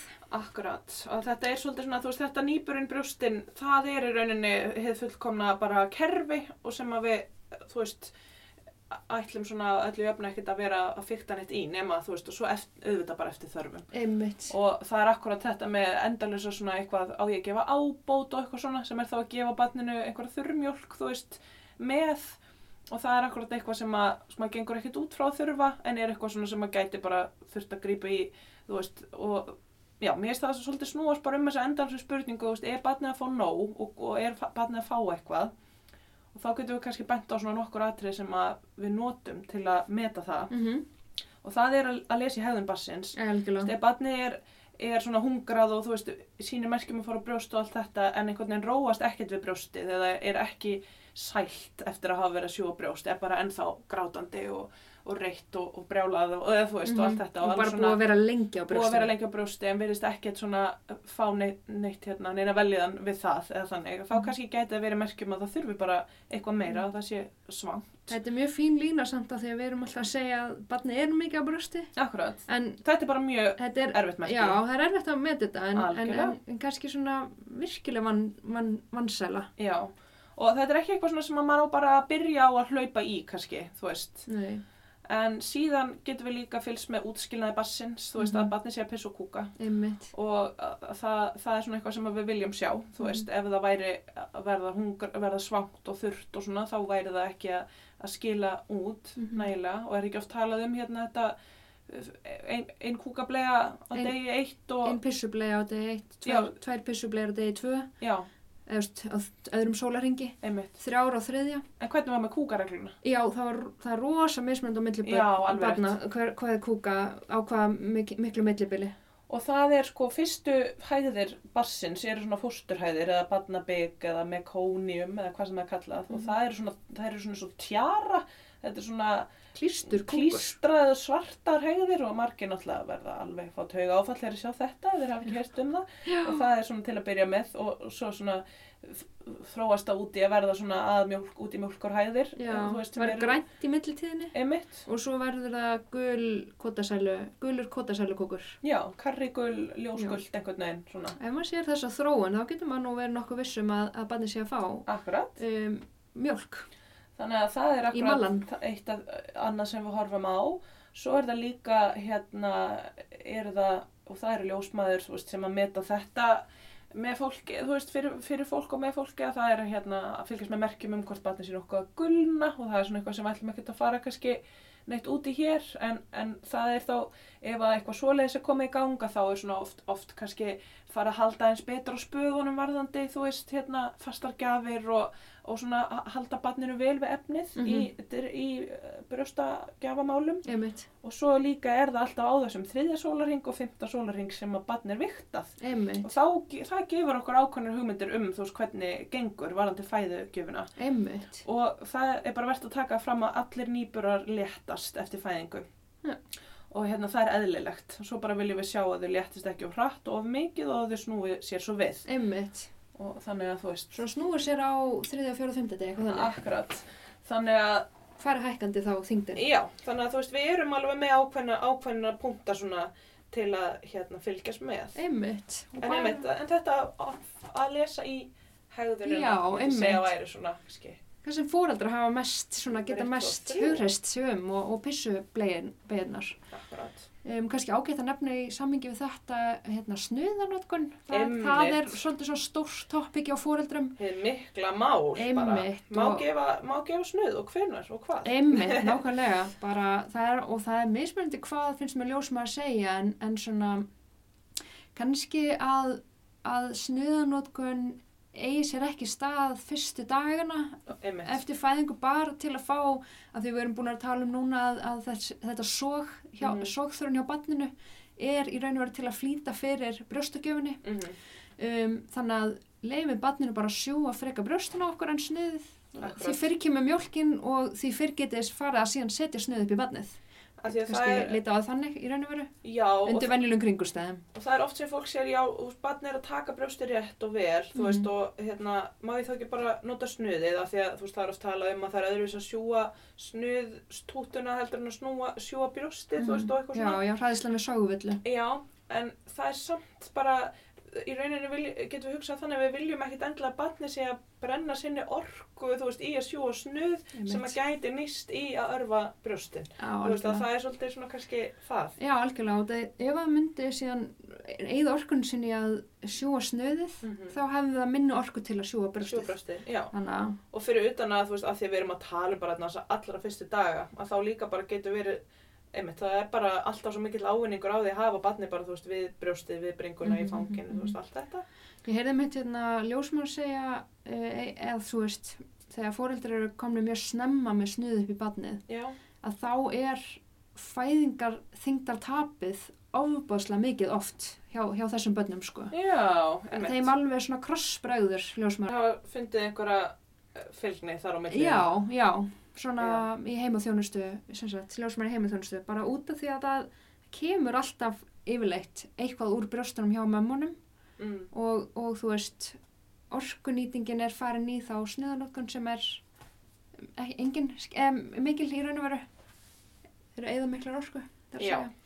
Akkurat, Þannig að þannig að við svona, það er kannski ráðlagt að, að hérna, ge geima þetta svona þar til að barni bara búin á fæðingaþyngd og brjóstugjöfun er komin svona í eitthvað gott. Brjóstu mjölka myndunin er komin kannski Já, já, já. vel á veg.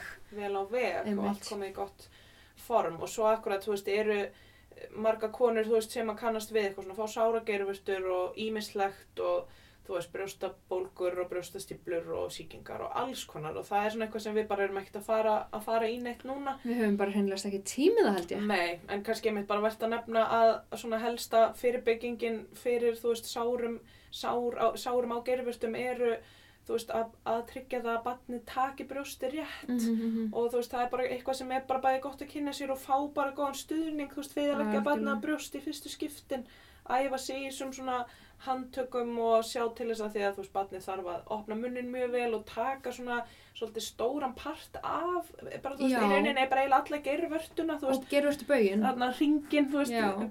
baugin í kringum, þú veist, Einmitt. vörtuna þetta þarf svona, þetta svæðið, brúna svæðið þarf svona svolítið eiginlega allt að fara upp í barnið, fara alveg aftur í mjúka góminn, Mhm. þá ekki að sjúga bara, þú veist, ysta punktin bara eins og eitthvað spagetti og fá bara spjekopa og þú veist, allt þetta, Já.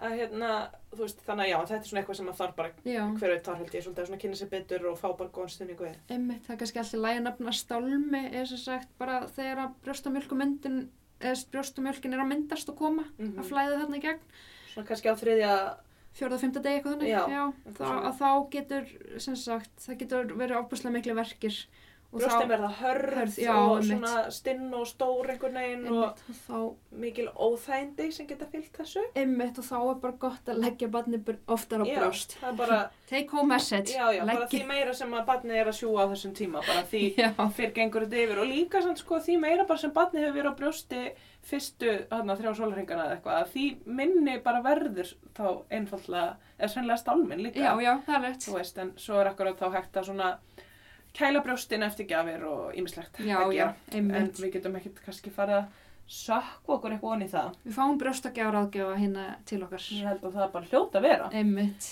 Um, akkurat, það er svona spurning hvað við hérna, ef ekki bara ljúka á nýburanum? Eitthvað svona e, jú, við erum hérna búin að tala um ýmislegt, um, við erum búin að tala um þvag og hægðir á nýburanum. akkurat, og svona kjúin fyrir svengt Já, svona ýmislegt varandi aðferðlið. Það er kannski eitt sem er, mér finnst gott gott að nefna er að hérna að byrja svona fljótlega kannski að leggja inn svona mun á degi og nóttu hjá barninu. Að þú veist, að gefa barninu svolítið svona lámarstjónustu á nóttunni þó að þið, þið séð að gefa því og, og þannig og kannski skipta, já, skipta bara bleiu ef að það er komin kúkableia eða bleian er eitthvað alveg rosa þung, og þú veist, og vera ekkert að einmitt að tendur upp öll ljós og hafa þú sjónvarp í gangi og allt þetta, því þú veist, barnið er svo fljótt að læra mm að, nei, og, nei, nýburar eru svo klári sko. Já, þú veist þannig að, að það er bara gott að, að strax að byrja að leggja einhverja línur hvað það var þar fyrir alla, þú veist að Einmitt. leggja svona grunninn að einhverjum góðum sveppin Já, og já. eitthvað svona.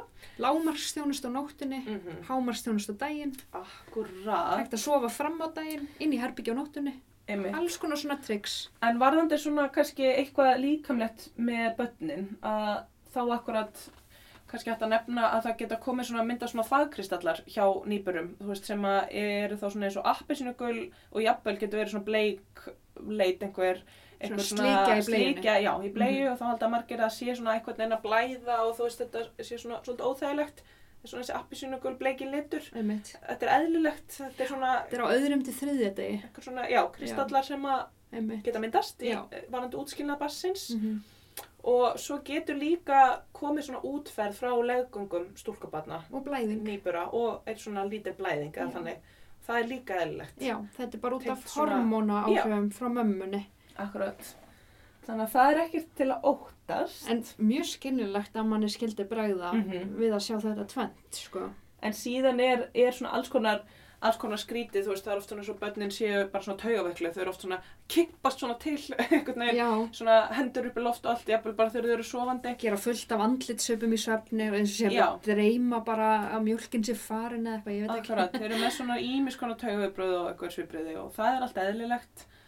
Allavega, já, undir flestum kringustæðum, þú veist, þetta, maður fær oft svona spurninga, svona, ó, hún er að hyggsta, hún er að hnerra, hún er að kippa sér, er þetta, er eðlilegt og, Einmitt. og, Og, svona, e, akkurat, nærri, einmitt, þau eru ekki kvefuð yfirleitt, heldur er þetta bara svona, um, eru hvað hreinsa bara, hreinsa þetta allt saman. hreinsa lungun sín og svona, Akkurat. Svo er náttúrulega til, sko, við hvetjum bara alla til að skoða hérna Dunstan, hérna baby, baby language, hérna Einmitt. Barnatungumálið. mm Það eru til miljón YouTube-vídeó og eitthvað af þessu að það eru svona, talin vera svona fimm hljóð nýburans sem að, þú veist, segja til um hvað hann þarf hverju sinni. Þau bara geta grátið til að kvarta en að, að það er svona, þú veist, það er hljóðgreinalegu munur á grát, grátnum, eða kvartinu, eins og, eins og þú veist hvað þau segja þau eru svöng og eitthvað svona. einmitt. Viltu leika það fyrir okkur, Stefania? Nei! Já. Er eiginlega bara eins og, hérna, ingangsbannið okkar. Já, það er þetta rétt. Það er svangt, Það er svart, já. Æi! Leggið það á brjóst, hvað er þetta? Eða sann, mér, mér fannst það eiginlega meira að segja e. Og hvað vil það þá? Ég var ekki, hérna, það, það er að rópa. E, e, eða eitthvað svona að prumpa, ég veit ekki Og alveg. það er svona einmitt, veist, það er eitthvað hvort að veist, og það sem er yfirleitt ángraðu er að, veist, þau eru svöng, þeim er kallt, það er loft í maga og eitthvað svona. Það er Eða- loft annarkor sem það er að prumpa eða það. Og að, þú veist, einhvern veginn eru bara, vantar öryggi, vilja bara láta halda á sér og knúsa sig og taka sig. upp. Svona óþægileg stelling sem er í. Já, akkurat. Svona, með tímanum læra allir foreldrar að óháð því þó hvort þau kunni þetta language eða ekki, Algjörlega. þá, þá munið þið vera sérfræðingar í ykkar börnum. Þá getið þið titla eitthvað sem sérfræðinga ef þið eru ekki sérfræðingar nú þegar. Uh, já, akkurat.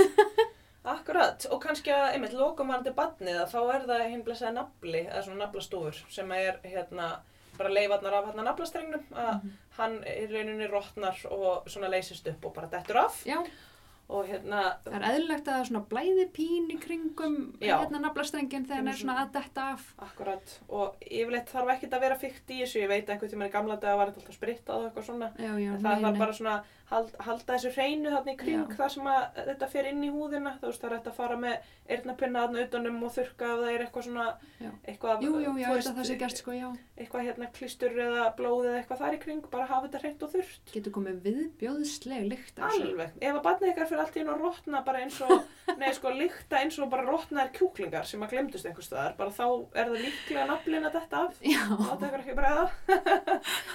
Mér fyndi að halda einhver svona ótrúlega krútlegu litlu barni og svo er bara einhver hræðileg lykt af því. hún sem betur fer einhvern veginn helst inn í bleiunni, þessi lykt sko. En einmitt, Eftir, ég verður um leið og ég tek upp ungaböð og, og finn hérna, ég er, ég er að halda svona ungabarni, já, luft, ungabarni, Já. hérna, og finn lyktina þá, munið að finna lyktina bönnum okkar. En talandi um lykt, það var nú ein góð ljósa sem að, sem að vildi senda þau skilabóð til fóreldra að- að muna að hérna, lykta af barnin ykkar Já. og finna hvað er rosalega góð lykt af því. Það er mjög fallegt. algjörlega. En svona kannski loka punktarnir í þessu hjá okkur væru þá svona kannski bara mamman óháð hérna, úthreinsun og brjóstum og svona Mhm. að hérna að það er nú bara á þessum dögum aldrei mikilvægra að svona hlúa að sjálfum sér Mhm. og fólk spyr sér kannski hvernig eigum við að gera það með þetta allt saman hérna, full vinna að gefa brjóst og komið góður og fólk Einmitt. kannski með önnur börnaheimilinu og allt þetta Þetta er rosa erfitt. þetta er bara full vinna Já, það, Og- það er ekkert skrítið að, að Nei. maður gráti bara kannski á þessum tímum. Nei, nákvæmlega og þetta er akkurat, þetta er svo tilfinninganæmur tími af ymsum ásökum, þú veist, þetta eru bara allir tilfinningaskalin og það er hamingja og ást og það eru áhyggjur og svo svefleysi og bara álag og þú veist, endalur svo nýjar áskoranir og bara þetta allt kemur saman einhvern veginn Mm og hormónabreitingar og svona, Líkamlega Þannig að- breytingar. bara, Mhm. þannig að sko fólk er oft bara mjög lítið í sér, bæði mömmur og pappar og svona oft stutt í tárin, sérstaklega ef það er mikil þreita Og það er eðlilegt. Og það er eðlilegt, já, og ég akkurat heyrði einu, einu svona einu ljósmóður segja sem að var að senda fólk heim af sængulegu, sagði þú veist, þegar þið eru komin heim og standið bara inn í stofu með badnið með ykkur, þá eigið þið bara eftir að fara að gráta, veist, þetta er bara þannig moment og þá bara knúsist þið í gegnum það og haldið þetta hvort annað og svona. Þannig að mikilvægt að fólk vinni bara saman sem Mhm. teimi og sé duglegt að hrósa hvort öðru og Algjörlega. þú veist, hérna, ræða málin og ræða tilfinningar og hvað er að hugsa og svona. Eitt sem er dettur í huga að nefna er sæng og kvennagrátur. Já. Er það ekki ótrúlega mikilvægt? blues, jú. Já, það, það er sem sagt bara svona tímabundi ástand. Mm Það er ágætt að, að þekki þetta og þetta gerist ekkert fyrir allar konur en það var alveg kannski meir hlutin sem að lendir í sæng og kvennagrátur minnum mig. Og þetta er svona ákvað, þriði til fymta sólring, eitthvað svo leis. Já, og getur verið alltaf tvær vikur. Já, ekki varað í tvær vikur, en svona eitthvað tíman á þessu tímbili, eða þannig. Já, já, en það getur samt alveg varað svolítið lengi en, en þetta á að vera tímabundið. Einmitt. Og er þá bara konur upplifa svona að það er bara verði rosalega meirar gráta út á öll og yngu, bara yngri Mhm. ástæðu, bara geta stundum, líður bara svo við get ekki hægt að gráta og Pínur bara, reyðar stundum. já, og eru bara, þú veist, Viðkvæmar mjög viðkvæmar. Já, hráar. Þetta er bara, það eru hérna svona hormónabreitingar mjög miklar, þú veist, einhvern veginn bara í blóðinu á þessum tíma. Það er talað um, þetta er svona kenning, Mm. að sem sagt, af því að þegar maður fæði batn og fylgin og allt það og bara allir hormónar, bara mestu hormónar lífsþins þarna á þessu tímbúti, þetta sé svona frákvörf frá þessum hormónum. Akkurat. Sem Það er mjög áhugavert finnst mér. En það er líka gott fyrir þú veist makana að vita bara af þessu að þetta sé eðlilegt og svona. Mm -hmm. En að svo sé líka auðvitað mikilvægt að fylgjast bara að, alltaf stöðut með andleri líðan og það er alltaf konur sem upplefa eða þess að lenda í því að fá fæðingaþunglindi og það er svona annar og mikil alvarlegri vandi sem að við bara einmitt kannski væri gaman að taka fyrir setna eins og svona allt annað.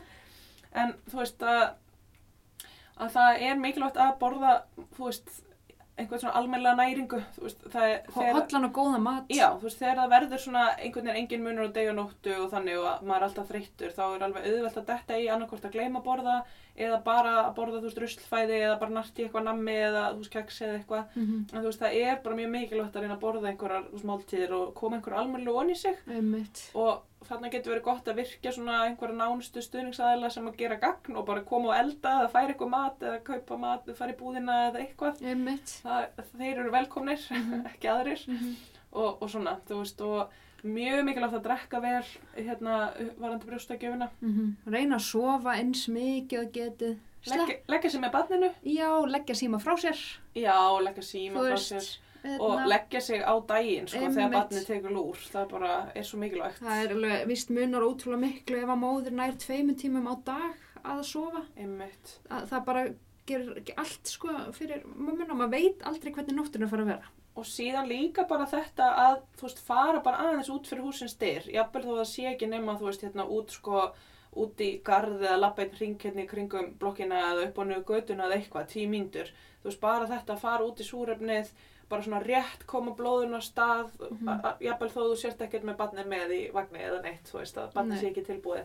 Að bara svona aðeins bæða, bara komast út í, út í útiveruna og andrúsluftið. Það gerir svo mikið fyrir, hérna, sálina. Algjörlega, andan. sálartitrið. Já, líka núna heyrir maður einhvern veginn bara hvað þetta er allt viða mikið og, og þá er Mhm. svolítið gott að að svona, ef við tölum um heimsóknir, Akkurat. að svona afmarka uh, gestagang og sérstaklega kannski ljósi, þú veist, ástandsins í dag. Já, já. Það bara, og það er bara ágætt að hafa bak við eira, þú veist, maður veit aldrei hvernig nóttin er að fara að verða, maður veit aldrei hvernig maður er upplagður, þannig að- að setja einhvers konar heimsóknar áform, bara Já. þú mæti klukkan tvö, þú veist, maður veit aldrei Það getur verið rosa erfitt. það getur verið svolítið erfitt, sko. Þannig Þannig að að bara þú- það er gott að hafa bak við eira. Og þú veist, og það er alveg hægt að hugsa sér bara þarna fyrstu, sko, ekki bara dagan, heldur kannski þarna aðeins bara eitthvað tvær, þrjár, fjó- fjóra vikurnar eitthvað, þú veist, það getur bara verið algjörlega þessi tími bara að aðlagast þessu, að, að bara komast í gegnum þessar gafir og hvernig það er dag og, Mm og svona að eðlast eitthvað öryggi í hlutverkinu. -hmm. Og það er alveg eðlilegt að vera bara ekki tilbúin í að vera tæna að taka á móti gestum og, þú veist, þá líka getur fólk dottið í að vera eitthvað bara full að taka til og hérna þurfa að baka eitthvað bananabröð og vera bara með allt, allt í gangi, sko. Já, En hérna á meðan þú gæti kannski bara verið að leggja þig eða fara í einhvern östutagöngutúr eða eitthvað. einmitt. Að Það er kannski bara svona svolítið mikil fórutn að færa Já, á þessum, á þessum tímapunkti. einmitt. En einmitt, þú veist, svo er bara, væri akkurat líka gaman að taka fyrir í sér þætti, þú veist, hérna, parasambandið, þú veist, með Kynlíf eftir fæðingu, barn, já, þú veist, allt þetta, svefnýbur hans, bla bla bla, þú veist, þetta Einmitt. er náttúrulega endalaust. þetta er endalaust, sko. En þú veist, eru þá ekki bara því að nú erum við að klára þetta hérna? Bara líkilpunktarnir akkurat að, að bara kynnast sínu einn barni, gefa sér tíma í það, þú veist, lesa í þarfir og merki barsins Mm og reyna að njóta, Fylgja innsæinu, anda inn og út, einmitt, knúsa hvort annað, hérna, þú veist, styðja hvort annað í gegnum þetta. Þetta eru, þetta er tímabil. Þetta er töff tímabil, Já. en ótrúlega svona rewarding, Mm. hvernig sem að það á íslensku, Já, einmitt, Gef, Gefandi, já. er það ekki? gefandi tímabil. Merki, stór merkilegt. Já, og brjóta sér ekki niður einmitt fyrir að taka hérna grát momentin og mm þú veist, Mhm. ég held persónulega að húmór getur verið mjög góður þú veist, á þessum augnablikum þegar Mhm. þú situr með frósi dömubundi í klófinu og þú veist skiluru eitthvað grátandi batna sjóði brjóstið og þú veist, einhverju svitakofi eitthvað, þú veist, þetta er náttúrulega bara komist í sjálfu sér algjörlega, og hérna, ég held að sé gott að geta brosað aðeins og einmitt, hlegið saman algjörlega. að einhverjum svona fyndnum aðstæðum. Mm -hmm, Þetta verður allt svo frumstætt eitthvað og, og einhver öðru líkt held ég bara. Einmitt. Það þekki bara. E, þetta var aldrei e, þekkingar fráðuleiks súpa. Já, einmitt. Vonandi hefðu bara gagn og gaman af. Já. Og hérna, auðvitað, það er aldrei hægt að tæma, að gera einhverja tæmandi umfjöllun á einhverju svona tíma. Nei. En þetta er vonandi eitthvað svona sem að, Gefur ykkur hugmyndum hvað, hvað koma skal. og bara hvetjum ykkur til að, hérna, að leita til ykkar einmitt ljósmaðra og þær, þær eiga alveg eftir að styðja ykkur og leiða ykkur í gegnum þessa daga. Frábærar. Það eru frábærar. Já, annars vonum við bara allir hafið það gott Mm hérna á þessum síðust og vestu Já, yfir og út.